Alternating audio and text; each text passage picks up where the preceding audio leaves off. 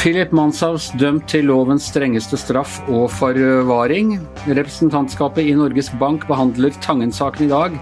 Og må vi fjerne alle statuer fra Tordenskjold til Winston Churchill? Det er det vi skal snakke om i Gjever og gjengen i dag, torsdag den 11. juni. Og jeg har med meg Hanne Skartveit og Yngve Kvistad. Um, og først til deg, Hanne. Hva har skjedd så langt i um, altså Dette er den dagen hvor representantskapet skal si om de er uh, fornøyd eller ikke. altså Tommelen opp eller ned fra svarene de har fått fra Norges Bank om ansettelsen av Tangen som sjef for oljefondet. Ja, og Vi som har fulgt den saken tett, har sett med stor spenning og forventning fram til denne dagen. Jeg er veldig spent på hva representantskapet kommer fram til, og ikke minst hvor de vil sende sine resultater. Vil de nøye seg med å sende eh, det til hovedstyret i Norges Bank, slik at det kommer inn i den ordinære rapporten og Stortinget behandler om et knapt år, eller vil de sende rapporten eller brevet direkte til Stortinget? Ja. Det er det store spenningsspørsmålet i dag. Og det er altså ikke avgjort ennå? Nei, de sitter jo i møte, og vi vet ikke om de er fornøyd med svarene de har fått fra hovedstyret Norges Bank, som de jo sendte veldig mange veldig gode spørsmål til. Og vi vet ikke eh, om de blir enstemmig enige om noe, og vi vet ikke hvor de vil sende resultatet av møtet i dag. Jeg har hørt et godt og ubekreftet rykte om at de ikke er så fornøyd med de svarene. Har du hørt noe sånt? ja, jeg tror også at det er veldig riktig at de ikke er så fornøyd.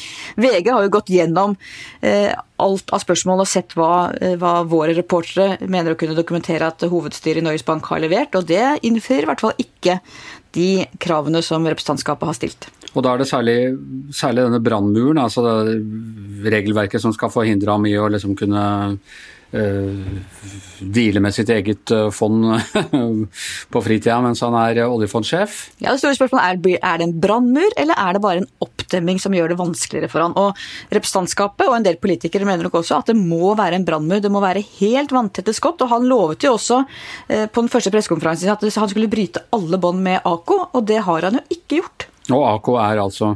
Hans fond, hans store fond, det er livsverket hans. som Han har bygget opp fra 2005. Et stort, stort milliardfond som har hatt veldig stor suksess, og som nå eh, loser penger over til hans veldedige eh, fond som eh, stiftelse, som skal gi støtte til en rekke gode formål. Men hvis dette da går til Stortinget, da blir det ikke noe sommerferie på stortingsrepresentantene i år? Da må de må de jobbe til folkets beste i uh, hele den lange sommerferien sin? Uff, ja, det kan hende. Men eh, en, en, representant fra Senterpartiet sa jo det i dag. At uh, da får vi bare behandle det i sommerferien. Mens andre Jeg snakket med vår gode kollega Erik Mosveen i stad, som hadde snakket med noen andre representanter fra andre partier som sa at det er helt utelukket. Men poenget er at han tiltrer jo i, i begynnelsen av september i den jobben. Og Stortinget samles jo ikke før det. Så hvis Stortinget skal ha mulighet til å gå inn i dette før han tiltrer, så må de faktisk gjøre det i sommerferien. Det er jo oppsiktsvekkende hvis Stortinget eh, prioriterer sin egen sommerferie høyere enn å behandle dette her. Ja, er du gæren. Det er, og de har jo ikke en veldig kort sommerferie heller, sånn at eh, de bør nok det. Men det er interessant, da, for på Stortinget har de jo holdt seg veldig unna, vært veldig tilbakeholdne. Det har vært vanskelig å få politikere på blokka til å uttale seg skarpt om dette, fordi at det er eh, Norges Banks uavhengighet står veldig sterkt i, i loven og blant politikerne. Men når nå representantskapet kommer med sin konklusjon, så tror jeg vi vil se at en del av de kanskje vil være tydeligere og si hva de mener. Og da kan Det er helt uvisst hva som egentlig kommer til å skje, for dette er ulendt terreng. Eh, hvis eh, saken går til Stortinget, er det noe, et signal eh, Øystein Olsen kan tolke i den ene eller andre retning?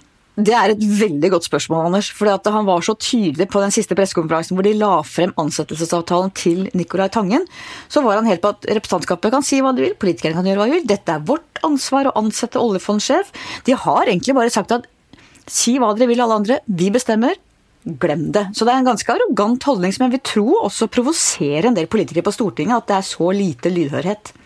Og når, når, i dag eh, vet vi noe mer? Nei, det vet jeg ikke. Kanskje allerede når folk hører, hører denne podkasten. Ja, det kan hende. Men jeg tror nok at det blir et ganske langt møte. Og, men det blir da avgjort i dag om det går til Stortinget eller ikke? Eh, ja, i utgangspunktet, men, eh, men, det kan jo hende at dette tar så lang tid. Og det å samle De har vært enstemmig hele tiden i representantskapet. Der sitter jo 15 medlemmer oppnevnt. Det er Stortingets tilsynsorgan, og det er folk fra alle partiene der. Og alle partiene er på linje her? Fremskritt, fra Fremskrittspartiet til SV, liksom? Ja, det interessante er at det har de vært fram til nå. sånn at uh, hvis de fortsatt er det, så kan dette gå ganske radig. Men det kan jo hende at man nå begynner å splitte laget. Jeg vet ikke.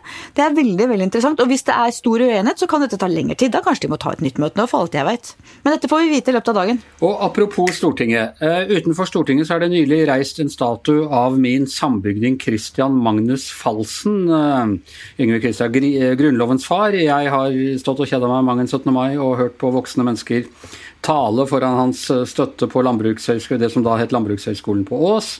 Man har senere reist en bauta foran Stortinget eh, i forbindelse med grunnlovsjubileet for eh, fem-seks år siden nå. Så kom Håkon Harket, forfatter og forsker Håkon Harket, ut med en eh, oppsiktsvekkende rapport som viste at antisemittismen i Grunnloven, den som førte til at jøder ikke, var, eh, ikke skulle tåles i riket, den var det Christian Magnus Falsen som var hovedmannen bak, og ikke bare disse bøndene fra Sørlandet som har fått eh, skylden tidligere. Bør vi fjerne den statuen? Nei. Hva syns du, Hanne? Nei, jeg er enig i det. Det syns jeg ikke vi skal gjøre. Ja. Ok. Uh, Yngve, hvorfor skal vi ikke fjerne statuen av antisemitten som står foran uh, nasjonalforsamlingen? Fordi at uh, historien om Falsen er i likhet med historien om veldig mange andre politikere og, og statsmenn og foregangsfolk. En historie også om folk med mange motsetninger. Folk som levde i en tid som var en helt annen enn den som vi er i dag. Eh, folk oppførte seg annerledes, hadde andre verdier osv. Eh, det er mye man kan problematisere om falsen. Også... Men alle var ikke antisemitter i 1814? Nei overhodet ikke. Og, det samme gjelder jo med, med, en del av de folkene som nå stilles til ansvar for uh, forskjellige ting. Vi hadde jo også en jesuittparagraf i, i Norge som sto helt fram til 50-tallet. og og, eh, og, og, stortingspresident Hambro var jo en ivrig motstander av å få, uh, få oppheva den. Han er vel også statua foran Stortinget, er ikke Ikke sant? Sånn at det, det, den uh, saken der er ikke så enkelt. Altså det, helt tatt det, å, det å skulle da vurdere tidligere folk og deres gjerninger uh, ut ifra vår tids standarder, våre tids moralbegrep, er i hele tatt en veldig komplisert uh, øvelse. Da. Slavehandleren eh, Tordenskjold som står foran rådhuset i Oslo, han bør forstå han òg, da? Antisemitter og slavehandlere og jeg vet ikke hva. Ja, altså det, altså Utgangspunktet for denne debatten er jo, er jo, den, eh, er jo nedrivinga av eh, statuen av Edward Colson i, i Bristol som også var en kjent slavehandler, kjent Tory-politiker. Bygde opp en svær formue i Storbritannia. Han finansierte skoler, bygde mm, sykehus, utdanna leger. Eh, gjorde veldig mye som sånn velgjører og filantrop. Eh, problemet hans da var jo at han hadde tjent pengene sine på bl.a. slavehandel og elfenbeinshandel.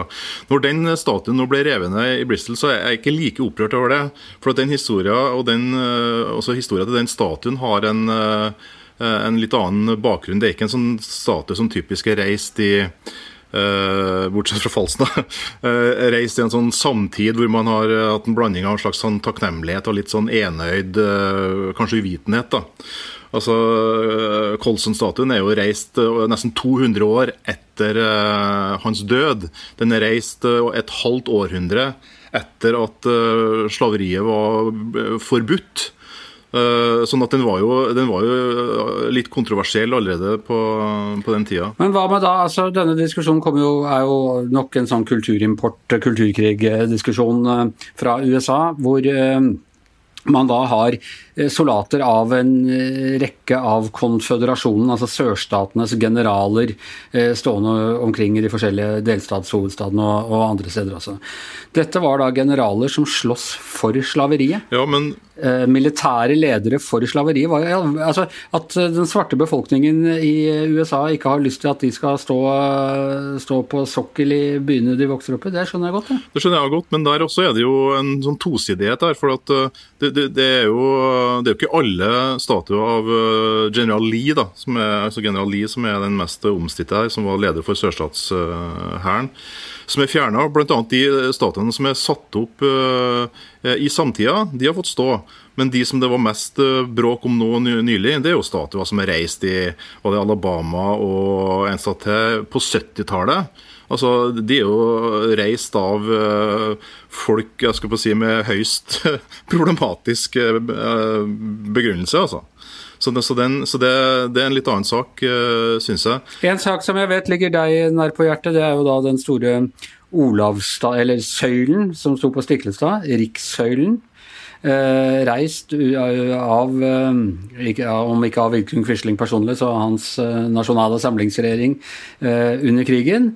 Laget av professor Rasmussen, som var en av Norges store billedkunstnere og professor i skulptur, vel, på, på Kunstakademiet. Ja, ja. Han professor på akademiet. Ja. Eh, men hvorfor skal vi rive den, og ikke alle de andre? Det var jo Olav den hellige. Han, eh, han handlet jo i sin tid, og man stappa noen hoggormer ned i munnen på folk for å kristne dem, så var det sånn man gjorde på den tiden. Er ikke det helt eh, rimelig at han Jo, altså, men akkurat det med barn av sin tid er også et veldig sånn forenkla forklaringssak. da, men eh, når det gjelder NS-bautaen på Siglestad, så er jo ikke den reist. altså Den, jo, den ble jo så vidt reist opp, denne granittobelisken, og så ble den jo, ble den jo revet ned av håndfaste lokale folk i det øyeblikket at freden var sikra. Så den ligger jo brekt i to eller tre deler bak dagens Olavsmonument. Men det du kanskje blander litt med, det, det, er, den, det er den Ja, fra Abelhaugen? Ja, det er den, den som skulle reises foran reises foran eh, Stortinget, eh, som havna i Bøverdalen. Eh, du har jo vært og sett på den, har du ikke det? Ja, jeg har vært og sett på den. Den er riktig, riktig fjong, den. den. Sånn, at, sånn, at, det klart det er jo en del sånne Og, og det øvrige NS-monumentet på Stiklestad det ble jo også knust uh, umiddelbart etterpå. sånn at Sånn at det er jo en del sånne ting som, uh, som man ikke savner. Men, men, igjen så er det litt sånn forskjell på det utgangspunktet for hele. For at vi jo i dag vi blir jo litt sånn varm i hjertet når vi ser uh, folk tar til gatene og river ned statuer av, av, Saddam Hussein og Ceaucescu og, liksom. Ja, ja og, og, Stalin i sin tid og sånn. ikke sant? Uh, men, men, da er det en del av et, et annet type sivilt opprør, altså politisk opprør. Det som vi nå ser, det er jo at i, altså det, det, som skjer i England og Storbritannia, er jo innenfor et demokrati, hvor altså da gatas parlament handler før parlamentet har anledning til å fjerne f.eks. den statuen av Edward Colson, som, som, jeg mener bystyret i Bristol burde ha fjerna for, for, lenge siden. Men Hanne, du svarte, svarte jo nei på dette, at det er en del av vår historie og sånne ting. Men F.eks. Eh, Winston Churchill, eh, som da tror jeg står oppe på Solli plass uh, i Oslo. Og det er, altså, det er, jo sider ved Winston Churchill som uh, Ok, hvis man har lest de der bindtjukke biografiene, så, så, får man høre om det, men den vanlige skoleundervisningen om Winston Churchill tar jo stort sett bare i hvordan han blødde og svetta og grein seg gjennom krigen og, og redda oss fra nazismen, og ikke de mørkere, mørkere sidene og den lengre historien hans. Nei, men da er det kanskje det vi skulle adressere, nettopp at vi nyanserer fortellingen om Winston Churchill. Men å rive statuen, eller ta ned statuen av han som faktisk sto opp og redda Europa fra nazismen, det vil jeg si at jeg har veldig mye imot. Men jeg er gjerne med på å nyansere og diskutere Winston Churchill og hans mange ulike sider. Det er noe helt annet. Stalin redda også vel så mye, vel? Uh... Anders, du kan ikke sammenligne Stalin og Churchill. Når det gjelder krigsinnsats, så må vi vel kunne sammenligne den. Anders Giæver, du kan ikke sammenligne. Ok, Skal vi retusjere bort Stalin fra de der bildene på Malta og sånn også, da? Kanskje sånn, fordi han skal ikke sammenlignes med de to hederskarene der? Nå er det vel ikke den demokratiske verden som har retusjert bort bilder av folk i verkene, det var vel Stalin sjøl og kommunistregimer og andre typer regimer. Jo, men å, å sette disse gutta på pidestall er å retusjere bort deler av historien. Nei, det er ikke Det er det jo, man framstiller dem som en type helgen. Ja, hvordan, hvordan, hvordan kommer det fram av de statuene hva disse gutta egentlig har på samvittigheten? Nei, det gjør, det gjør jo ikke det, og det er klart det er jo, det er jo en del av uh, problemstillingen her. Altså, som jeg sa i stad, altså, sånne statuer er jo ofte satt opp i en eller annen annen form for takknemlighetens rus, og, og, og gjerne med et litt sånn uh, enøyd uh, uh, En slags enøyd ignoranse, hvor man da fortrenger en del andre ting. Når det gjelder Churchill, så er jo altså at han var, kom med rasistiske uttalelser det, det, det, Også noen krigshandlinger som vel ikke helt hadde passert Genévekonvensjonen i dag? Ja, det, det, kan vel hende at han også ville måtte stå til ansvar for det på en annen måte i, i dag. Men, men, men, men liksom sånn, den kritikken mot Churchill den blir også sånn forfeila. Er helt enig med Hanne. Du, altså, at han redda Europa redda oss fra nazismen og, og satte, med det også satte slutt for de enorme jødeforfølgelsene. Eh, er et så stort og vesentlig poeng i historien om, om Churchill at det, at det ja, du, kan, du, kan, ikke over, overse det. Eh, jeg tror at en del av, av kritikken mot Churchill også baserer seg på Eh, en del, god del misforståelser og, og litt sånn en, ut, cherrypicking når det gjelder historie, historiske fakta og sånn. Og det, men det gjelder jo, gjelder jo mange, selvfølgelig. Eh, tilbake da til altså, Vi snakka om at jeg belyser dem og sånne ting, men det er jo nettopp det vi ikke gjør. Jeg, eh, gjennom hele min barndom så har jeg hørt taler om falsen på 17. mai. Ikke en eneste gang ble det nevnt at han var jødehater og antisemitt og eh, mannen som hindret eh, jødene adgang til riket i i ganske mye, mange år. Isteden trakk man da fram Henrik Wergeland. Eh, men, men det, finnes, det, finnes, jo måter å løse dette på som er, er gjort uh, allerede. Det ene er jo at uh, klart det er, det er, en del uh, stater som gjerne kan få en, en, tilleggsplakett hvor man opplyser om en del sånne ting. En liten asterix? Ja, nei, men altså, det, det, skjer jo allerede dag i dag, at man, at man kommer med en del sånn tilleggsopplysninger om, om vedkommende som er satt på, på pidestall. Det andre er jo helt sånn opplagte folk som blir fjerna. Eh, fordi at eh, de ikke har noe der å gjøre. altså De har vært overgripere eh, mot sitt eget folk osv. I Ungarn så har de løst dette på et sånn forbilledlig vis. Har de laga en sånn minnepark hvor de har skufla alle statuene av, av kommunistjævlene og, og satt dem opp der. Og det morsomme er at Når du kommer inn i den parken, så det, du blir møtt av et tomt støvelpar.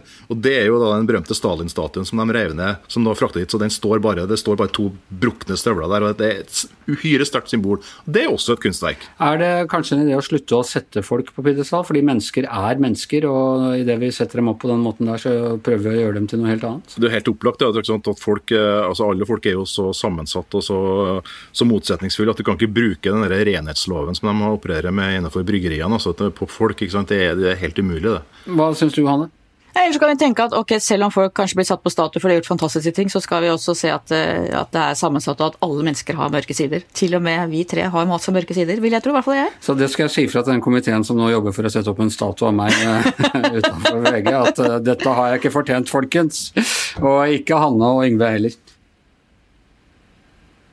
Ok, eh, jeg var på, eller jeg var ikke på, for dette skjedde digitalt, men jeg avhørte domsavsigelsen av Manshaus i dag. Ja, fortell. Hva skjedde? Jo, han ble da dømt til den strengeste straff, tror jeg noen nordmann da er blitt eh, dømt til etter at vi ble ferdig med, med rettsoppgjøret. fordi nå er, jo, eh, nå er jo dette med forvaring utvidet, da Anders Behring Breivik ble dømt for åtte år siden så fikk han, eh, fikk han, forvaring i ti år. Så har man hatt en reform av den loven, fordi eh, teoretisk sett så vil sånn som Anders Behring Breivik da kunne slippes fri etter ti år. Eh, mens hvis du ikke dømmes til forvaring, men etter lovens strengeste straff, så kan du sitte i 20, som i realiteten da to tredjedeler, altså 14, 14, år. Så derfor har man utvidet den forvaringen, forvaringsmuligheten, sånn at ikke man skal kunne slippe unna lettere. Men det var en, jeg må si det var en, en veldig interessant eh, dom eh, å høre på.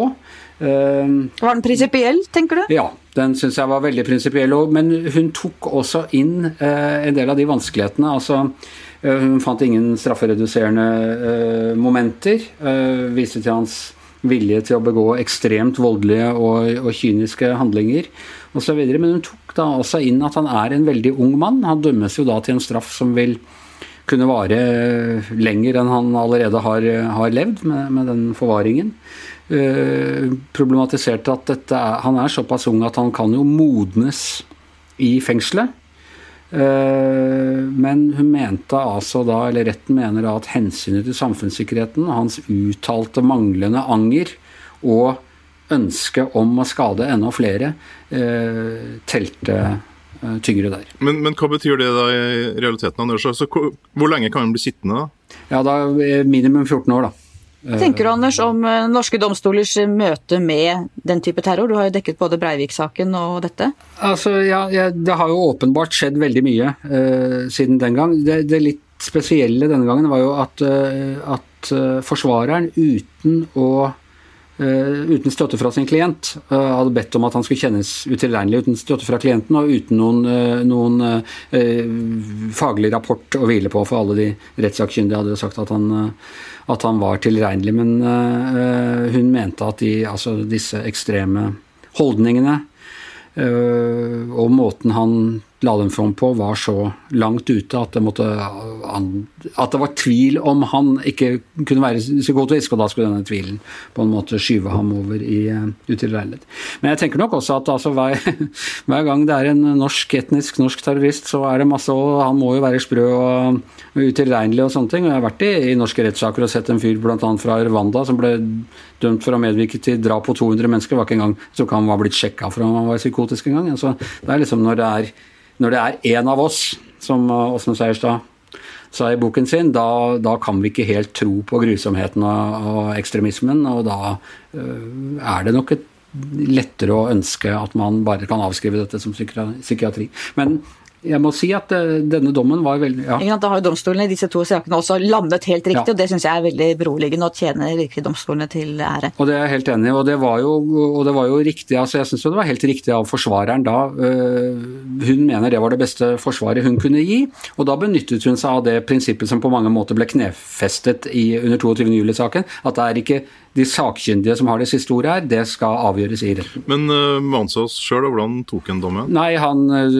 tok den med fatning. Han var jo åpenbart uh, forberedt på dette. Han klarte ikke helt altså, han, Det er jo da vanlig prosedyre at du blir spurt om han forsto dommen. Det er sånn at han gjorde, og så får du jo tre valg. Du kan enten godta den på stedet, du kan anke den på stedet, eller du kan be om betenkning. Og han klarte ikke liksom helt å, å, velge der, for han mente at han ikke aksepterte den. Ja, Så om, ja, så det ble litt fram og tilbake der, og da måtte da eh, advokaten hans bare gripe inn til slutt og si at tror vi skal protokollføre at han eh, ber om betenkning. Så, så det gjenstår å se. Og da kan jo han f.eks. tenke at en ny runde i retten vil være en anledning til å propagandere mer for dette han står for. Og med det så tror jeg vi sier takk for frisk debatt her i Giæver og gjengen eh, denne gangen. I hvert sitt hjemmestudio Hanne Skartvedt, Yngve Kvistad, Anders Giæver og mannen som står på en sokkel for å produsere og sy det hele sammen, heter Magne Antonsen. Tusen takk for i dag.